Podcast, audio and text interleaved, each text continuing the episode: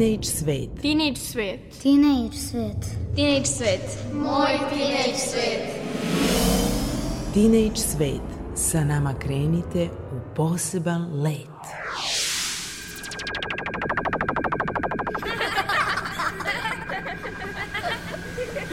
Kreativan deči svet.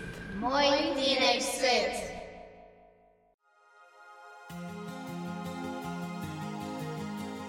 Dobar dan, dragi tinejdžeri. Kao što znate, ja sam Nikola Rausavljević i u narednih pola sata družimo se u emisiji Teenage Svet. Očekuju vas kao i uvek dobro poznate rubrike u kojima ćete saznati ponešto o stripu, poeziji, jeziku i informacionim tehnologijama. Ipak, pre svega toga, priča o talentovanim mladim ljudima.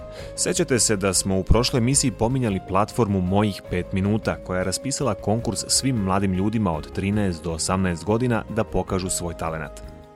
Ove subote čitavu priču približit će vam dizajner projekta, učenica prvog razreda srednje škole Arhimed, Tara Ćirković.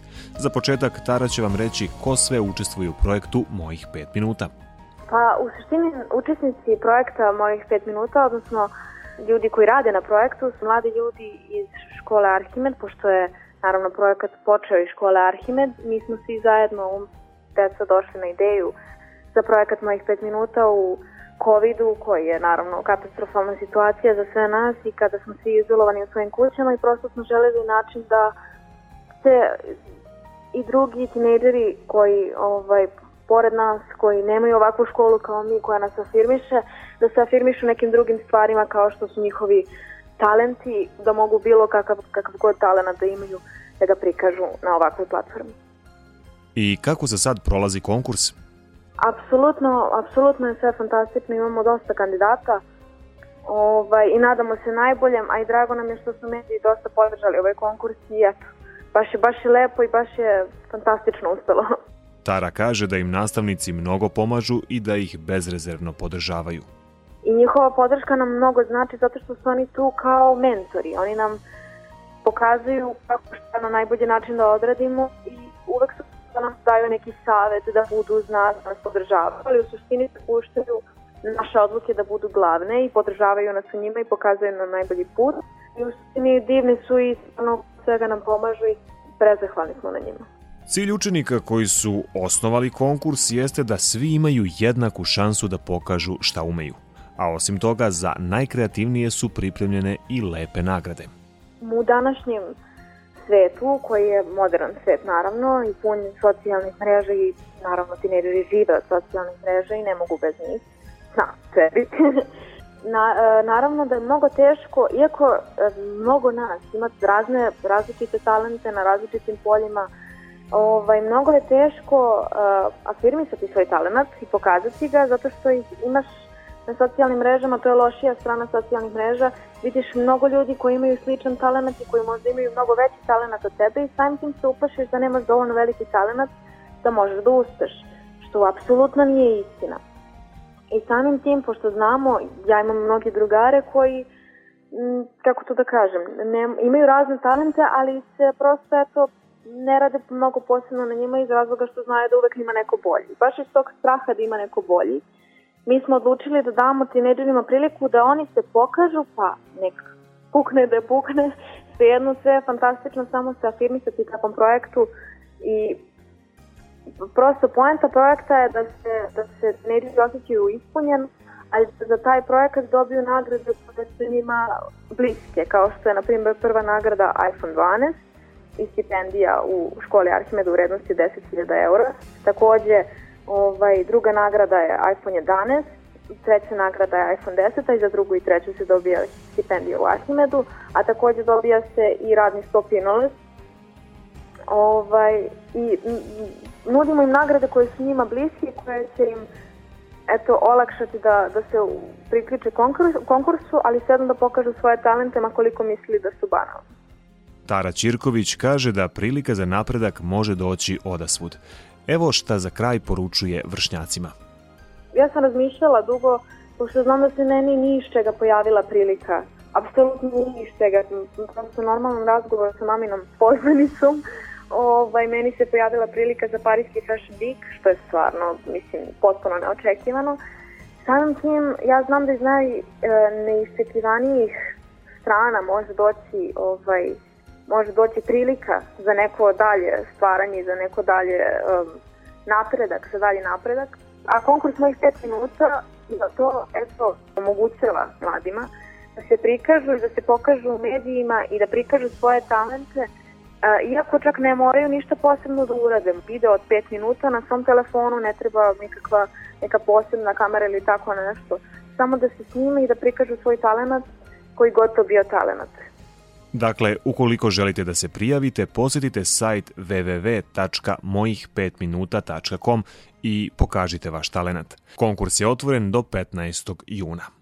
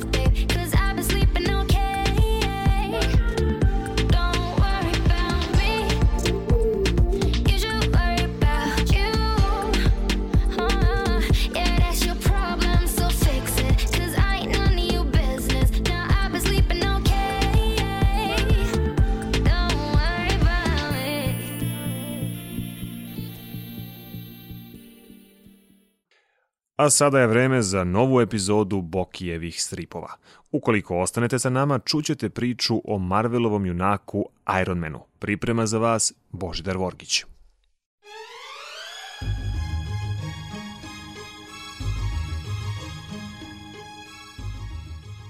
Bokijevi stripovi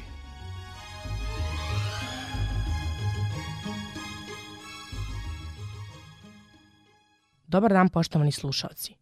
Danas ćemo u novom izdanju ove rubrike pričati o još jednom američkom strip junaku, Ironmanu. Na Kijevcima se prvi put pojavio u Americi u martu 1963. godine u 39. broju stripa Neizvesne priče, izdavača Marvel Comics, koji danas izdaje posebni serijal sa njegovim imenom. Ironmana su stvorili pisac i izdavač Stan Lee, scenarista Larry Lieber i crtači Jack Kirby i Don Heck. Stanley je kasnije odlučio da ga pridruži osvetnicima. Ironmanov identitet krije se iza bogatog biznismena i vlasnika velike kompanije za izradu oružja Antonija Edwarda Starka, poznatije kao Tony Stark. Tony je nasledio kompaniju od svog oca i majke koji su nesrećno stradali u sabraćenoj nesreći. Posle toga Tony nije bio zainteresovan za očevu firmu, pa se samo zabavljao u izobilju nasledstva, ali je voleo da vrši svoje istraživanja i konstruisao nova oružja. Međutim, kada je otišao u Vjetnam na demonstraciju vojne opreme svoje kompanije, napadaju ga teroristi koji ga ozbiljno ranjavaju u predelu grudi.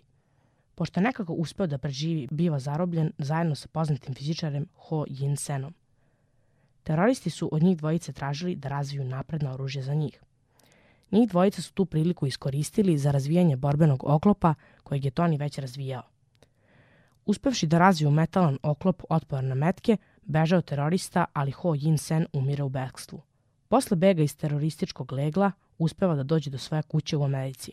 Posle toga, Tony sve više usavršava oklop kroz stripove i filmove koji su snimani o Ironmanu i osvetnicima, čiji je jedan od osnivača i članova.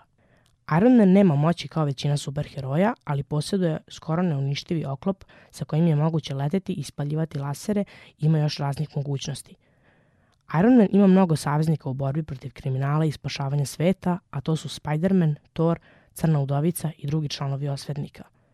Kao i svaki superheroj ima i neprijatelje, a ima ih i Iron Man, a to su Crimson Dynamo, Titanium Man, Mandarin i još mnogo drugih. To bi bilo sve za danas. Družimo se za dve sedmice kada ćemo pričati o još jednom američkom strip junaku, Spider-Manu.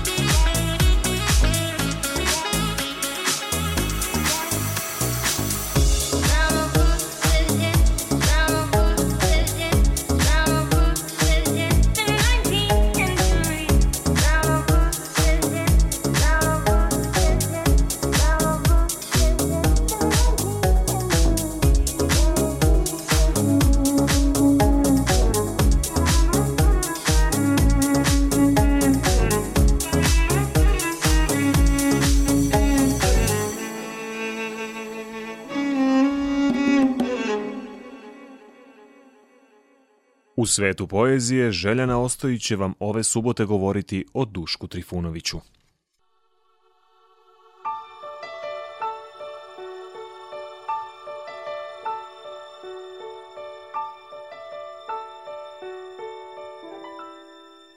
Svet poezije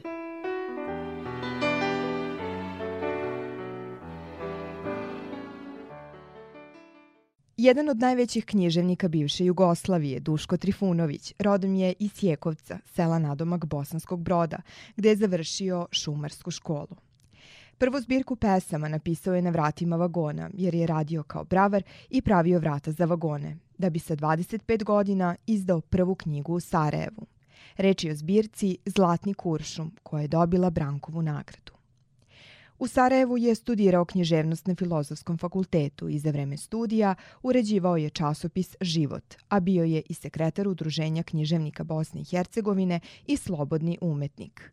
Međutim, studiranje napušta posle dve godine i zapošljava se na televiziji Sarajevo kao urednik muzičko-zabavnog i omladinskog programa, gde često dovodi u emisije ondašnje popularne muzičare, prvenstveno pripadnike sarajevske rock scene ali ratne godine 90-ih promenile su njegov tok.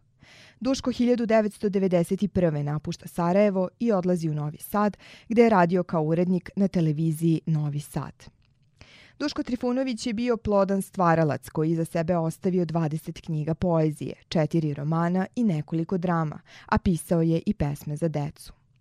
Za svoju poeziju osvojio je mnoge nagrade, među kojima su Brankova nagrada, šestoaprilska nagrada grada Sarajeva, nagrada Zmajevih dečijih igara i mnoge druge. Međutim, ono po čemu Duško Trifunović ostaje posebno upamćen jeste činjenica da je pisao pesme za mnoge poznate jugoslovenske muzičare i te pesme su kasnije postale veliki hitovi. Više od 230 njegovih pesama je komponovano. Sarađivao je sa Bijelim dugmetom, pisao je pesme za Zdravka Čolića, Arsena Dedića, Gabi Novak. Samo gresi su moji, sve ostalo je tuđe, govorio je Duško, prateći tu vodilju sve do svoje smrti 2006. Preminuo je u Novom Sadu u 73. godini, a mi ove subote čitamo pesmu koja govori o volji za životom bez straha od pogrešnih odluka, jer je to jedino što čoveku ostaje da pamti.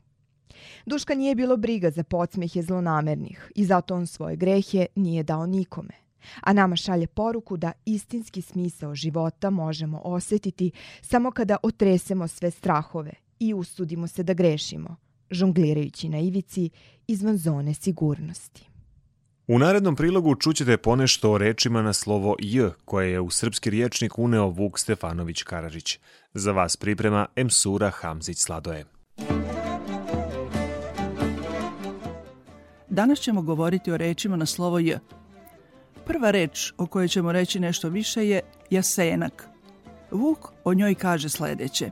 U Srijemu kažu da u oči spasova dnem noću vile otkinu vrh jasenka, zato alosanu čeljad, bolesnu psihički ili fizički, nose te ostave onu noć pod jasenkom, metnuvši kod bolesnika kolač hljeba i jednu čašu vode, a drugu vina, kao večer u vili, pa s jutri dan u jutro kopaju pod jasenkom i šta nađu, na primer crva ili bubicu kaku, ono dadu bolesniku te izije ili u vodi popije kao lijek koji mu je vila ostavila. Pripovjeda se da u jasenku cvijet noću nestane kad se uveče uzbere i ostavi gdje. Sledeća reč je jatak. Jatak je onaj ko je pružao pomoć hajducima, posebno zimi, skrivao ih i hranio jer su se oni u letnjem periodu sakrivali po šumama i pećinama. To najbolje doznajemo iz izreke Đurđev danak, hajdučki sastanak, Mitrov danak, hajdučki rastanak. Vuk kao primer navodi stihove iz pesme Stari Vujadin. Kazuj more družinu ostalu i jatake ku ste dohodili, dohodili zime zimovali. Reč jabana označava nekoga ili nešto što je strano, tuđe. Vuk navodi primer. Nije mi jabana, to jest rod mi je, svojta mi je ili ne govori na jabanu, u značenju da se ne koriste tuđe reči ili drugačije naglašene reči. Jabučilo ime konja Vojvode Momčila iz pesme Ženitba kralja Vukašina. Momčil ima konja Jabučila, Jabučila konja Krilatoga. Poslovice i izreke za kraj. Jezik kosti nema, ali kosti lomi. Jedno krivo drvo ceo tovar raspe. Jezik je više glava posekao nego sablja.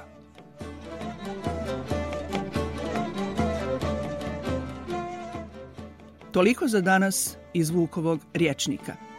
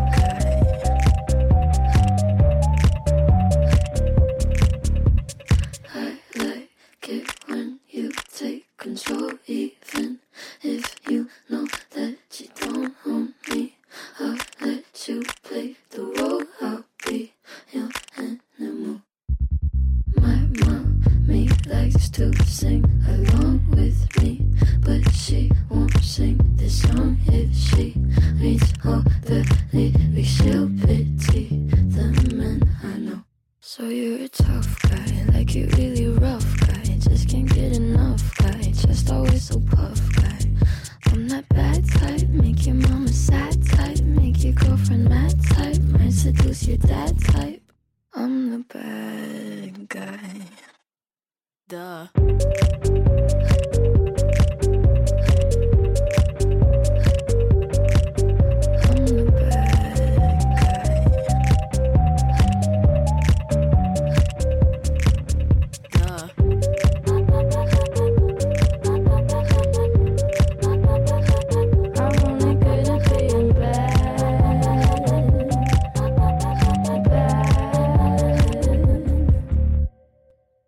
Da li znate da li je razglednica domaći izum? Ako ne znate, reći će vam Bojan Vasiljević u rubrici IT i ti.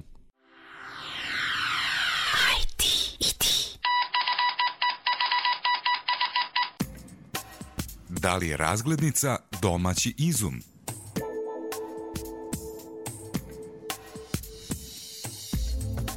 Danas je lako, možda i ne toliko zanimljivo, da slikate selfie na nekom mestu ili prosto slikate mobilnim telefonom samo mesto i pošaljete prijateljima sliku kako vam je lepo na odmoru ili nekoj destinaciji. Ali kako je sve počelo? Prva prava razglednica na svetu, tvrde kartofili, štampana je na srpskom jeziku ćiriličnim pismom 1871. godine u uredništvu lista Zmaj u Beču.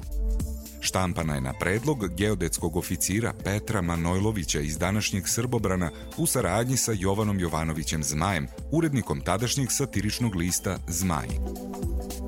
Poznati crtač, tehničar i kartograf, jedne od svojih čestih poseta za vreme posete redakciji predložio je Čika Jovi da izradi specijalne ilustrovane dopisnice radi kraće prepiske redakcije sa čitaocima. Razglednica je otisnuta na kartonu formata dopisne karte. Manojlović je idejnu skicu pripremio krajem 1870. godine. Kada je njegov crtež odobrila redakcija Zmaja, izrada razglednica u Bakrorezu poverena je poznatom bečkom rezbaru Waldheimu, koji je naručenu količinu predao redakciji početkom aprila 1871. godine.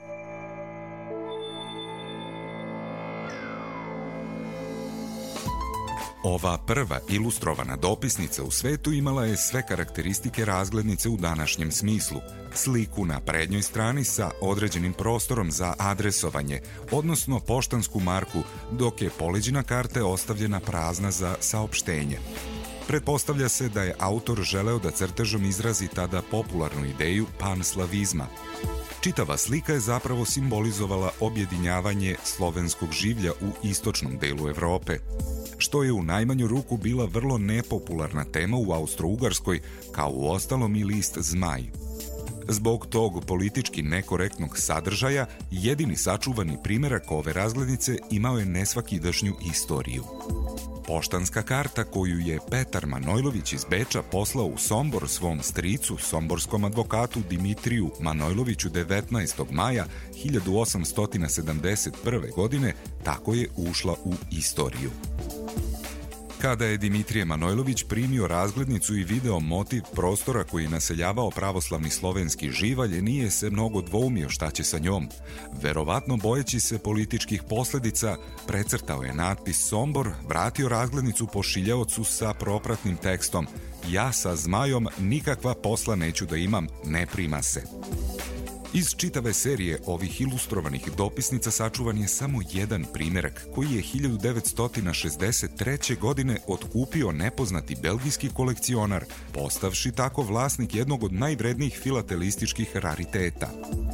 Igrom slučaja pronađena je tek 1964. godine, a pošto je filatelistima bila nepoznata, iste godine je izložena na jednoj takvoj aukciji u Parizu. Sve do 1963. smatrano je da je izumitelj prve razglednice izvesni knjižar Švarc iz Oldenburga. Međutim, kada je otkrivena Manojlovićeva razglednica, trebalo je revidirati dotad važeći stav, što nije bilo lako. Tako se među svetskim filatelistima zapodela višegodišnja rasprava u kojoj učestvovao i novosađenin Mirko Werner, koji je na kraju dokazao da je Manojlović osmislio najstariju sačuvanu razglednicu u svetu, kaže somborski hroničar Mile Vojnović. Prve razglednice rađene su u tehnici litografije i bile su prava remek dela tadašnjeg štamparstva. Poruke su ispisivane na prednjoj strani, pored ili preko ilustracije. Tek od 1905. godine zadnja strana razglednice je podeljena jednom vertikalnom linijom na dva jednaka dela. Desno od linije se ispisivala adresa primaoca i lepila poštanska marka, a levo od nje sadržaj poruke. Ovakav tip razglednice je u upotrebi i dan danas. Prvu seriju razglednica u Srbiji objavila je knjižara Velimira Valožića u Beogradu 1895. godine. Na jednima je pisalo pozdrav iz Beograda, a na drugima želi vam srećnu novu godinu knjižara Velimira Valožića. Iduće godine Velimir Valožić objavio je još jednu seriju u kojoj je, osim Beograda, bilo i 16 razglednica sa slikama gradova Srbije. Autor ovih prvih serije je Vladislav Titelbach, poznati ilustrator, a dvorski fotograf Milan Jovanović je autor fotografija. Sezona je odmora, pa eto lepe prilike da umesto dosadnih statusa na društvenim mrežama i fotki sa stopalima na pesku ili u moru, pravim prijateljima pošaljete nešto domaće, razglednicu.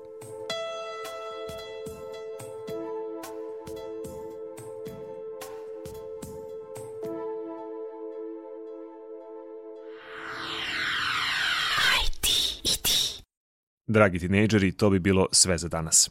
U nastavku sledi program za decu i emisija Dušana Krstića Kad si dete misli lete.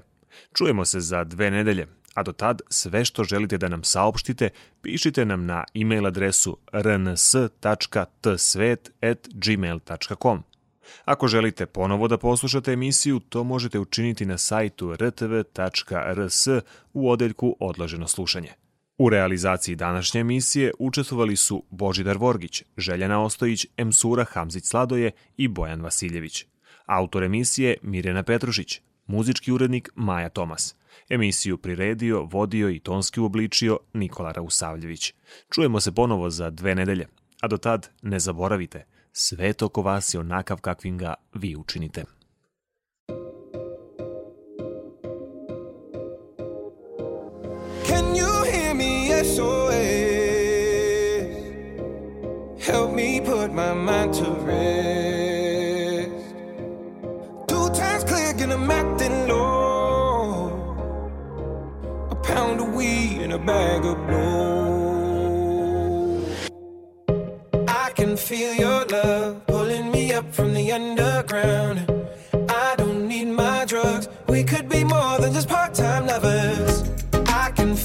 Your touch picking me up from the underground.